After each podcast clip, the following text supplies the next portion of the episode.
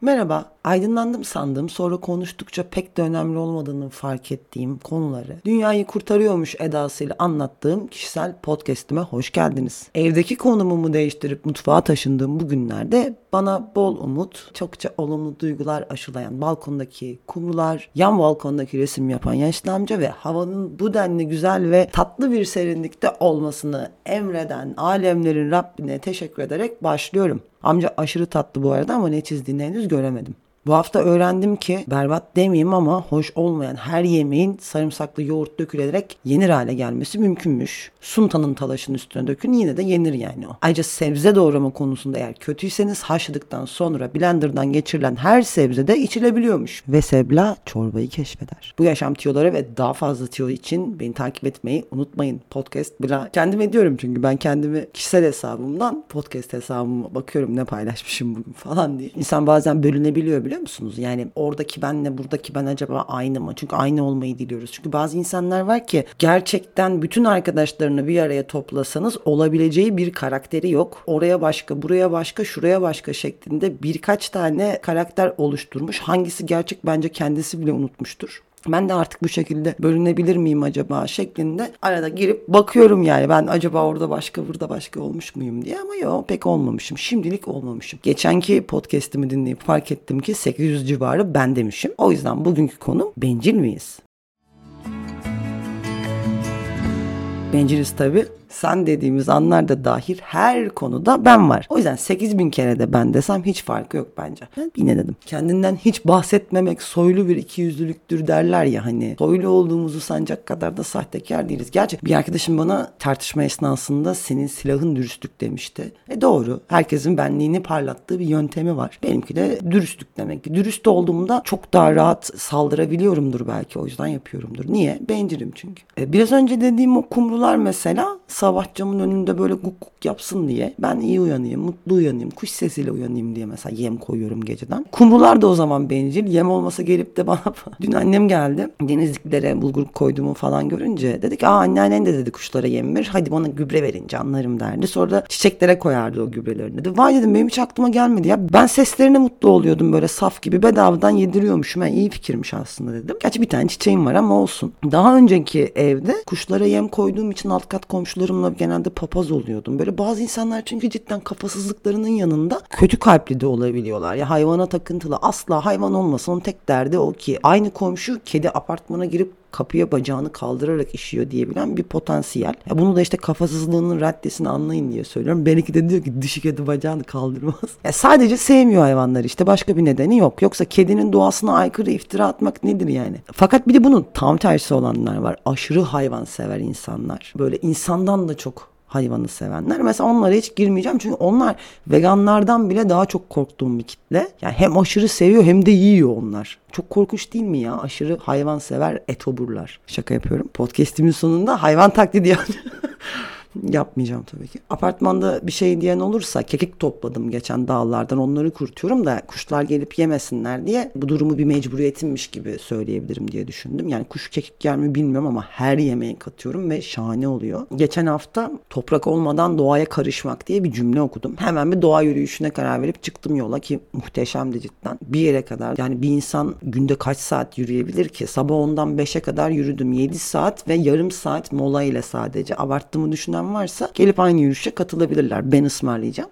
Beni de böyle kandırdılar çünkü. Ee, bir ara yokuşta böyle namaz kılmayı falan düşündüm ağlayarak. Ya bu tabii 15 kilometrenin sonunda hasıl olan bir histi. O an yolun ilk 20 dakikasında ağlayan kıyamam dediğim bir çocuk vardı. Onunla empati kurdum ya. Öyle sevimli bir suratı vardı ki ama hep ağlamaklı bir surat. Gözler hep böyle kançana. Bir yere annesiyle muhabbet ettik. Daha 5 yaşındaymış. Ebatı 10 yaşında ama. Babası 2 metreymiş çünkü.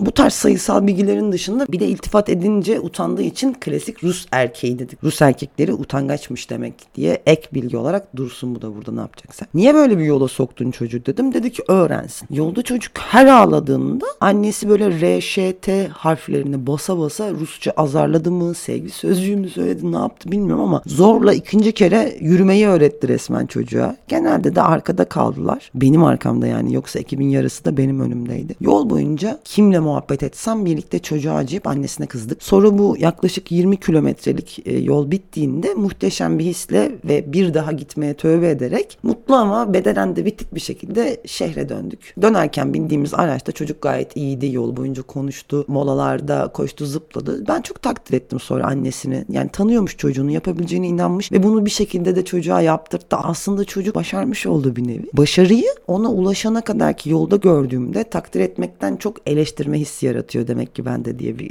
e, kanıya vardım. Biz olsak diye başlamak istemiyorum cümleye aslında ama vicdan adı altında çokça şeyi yaptırmıyoruz ya biz çocuklarımıza. Çünkü bize de yaptırılmadı. Ben bu yaşa kadar yemek yapmaya mecbur bırakılmadığım için sebze çorbasını yeni keşfettim mesela. Ya tabii 5 yaşında bir çocuğun o parkurda ya da o kadar süre e, yürümesi pedagojik olarak uygun mu bilmiyorum. Bildiğimden değil yani. Bilip eleştirsem neyse tamamen vicdani kıyamama durumundan ya benim yaptığım onu diyorum. Sonra sabahına tabii uyandığımda muazzam bir e, bacak ağrı ağrısı çektiğimi fark ettim. No, boyum mu uzayacak diye tedirgin oldum. Yok dünkünün acısı çıkmaya başlamıştı. Dün bayağı bir zar zor yürüyordum ki yeğenim geldi. Teyze tatlı istiyorum dedi. İstersen dedim muhallebi yapabiliriz. Attım böyle malzemeleri tencereye. Dedim kaynayana kadar karıştır bakalım aslan parçası. 20 saniye sonra kolum yoruldu. Ayakta durmaktan yoruldum. Ödevlerimi yapmam lazım sen karıştırmalısına kadar gitti iş. E ben ne yaptım? Tamam dedim sen geç içeri çizgi film izlerken de koydum önüne muhallebisine. E oldu mu şimdi? Olmadı. Aman teyze anne yarısıdır. Anası versin eğitimini. Ya ben yediririm deyip de böyle yeğenime bir vicdan yapamayacak mıyım kardeşim? Kisvesi altına sığınarak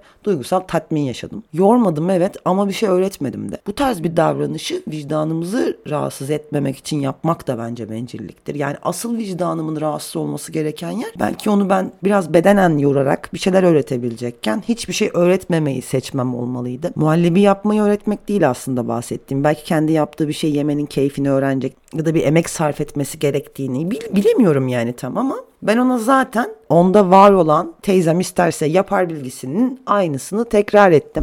Çok ego okşatıcı bir cümle çünkü. Ben ne istersem teyzem yapar. Yani hoş gibi duruyor, hoş gibi geliyor kulağa ama e, belki de şeydir mesela muhtaç kalması üstünlük duygumu beslediği için mutlu ediyordur beni. Ya elin Rus'u 25 kilometre yürüttü ben 10 dakika ayakta durduramadım ya. O yüzden ya aferin bana. Yine olsa yine yapamam herhalde. Ya acaba Allah çocukları eğitmeyi öğrenelim diye aslında vicdan gölgesinde kalmayacak kadar aklımızı kullanmayı öğrenelim diye mi bunları bu kadar sevimli yaratmış? Sırf kıyamayalım da o da böyle parkurdaki engel olsun. Çocuğun sevimli olması. Böyle mi düşünmüş acaba?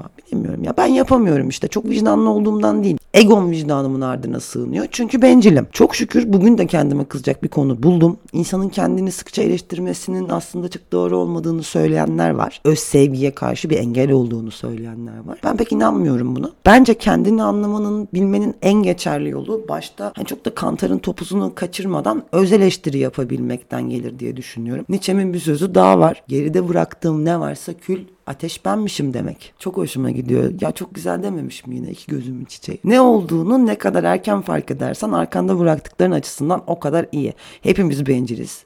Kedi besleyen de bencil, muhallebi çocuğun önüne koyan da bencil. İlerideki dirayetinden duyacağı mutluluk ya da gurur için çocuğunu yürüten de bitkisini büyüttüğünü görüp mutlu olmayı hedefleyen anneannem de. Esas vicdani rahatlığın bize haz verecek olan kaynağı da besleyecek eylemlerde bulunabilmekle mümkün olduğunu düşünüyorum. Alışveriş yani. Buralarda bahsettiğim her fikir için yok ben böyle düşünmüyorum diyerek konu üstünde konuşmak isterseniz lütfen benimle iletişime geçin. Aksini savunmayı da bir tur dener sonra şıp diye ikna olurum muhtemelen. Benim fikirlerim çok sık değişebiliyor zaten. Bunu ben ilk bir arkadaşımın çekişmeli boşanma dava dosyasını okurken fark ettim. Birinin suçlamasını okurken ona hak veriyordum. Ardından gelen beyana da ayrıca hak veriyordum. Sonra gerekçeli karara itirazı haklı buldum. Çat itiraza itirazda haksız sayılmaz. Yani en son kim konuşursa beni o ikna etmiş oluyordu. Şu an dosya istinafta bakalım ne olacak ben de merak ediyorum sonucu. Bir de ben şeyi çok merak ediyorum ya. Böyle hani bu boşanma davalarında bir olayın çok abartılması durumu vardır ya. Misal adam evden çıkma kargon gelecek demiştir. Bunu mesela alıp eve kapatıp hürriyetinden yoksun kıldı şeklinde yansıtabiliyorlar. Kadın adama ya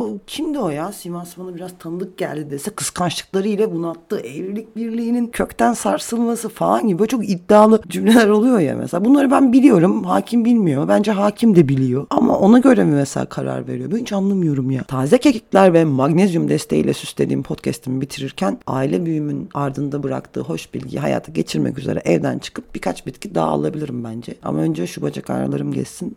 O üzüldüğüm çocuk mesela gayet iyidir şu an. Daha böyle değil. Ben gibi değildir yani. İşte neymiş? Kimseye acımayacaksın. Benliğimizi sıkça eleştirerek onu en iyi versiyonuna getirebilmemiz bence mümkün. Hoşçakalın.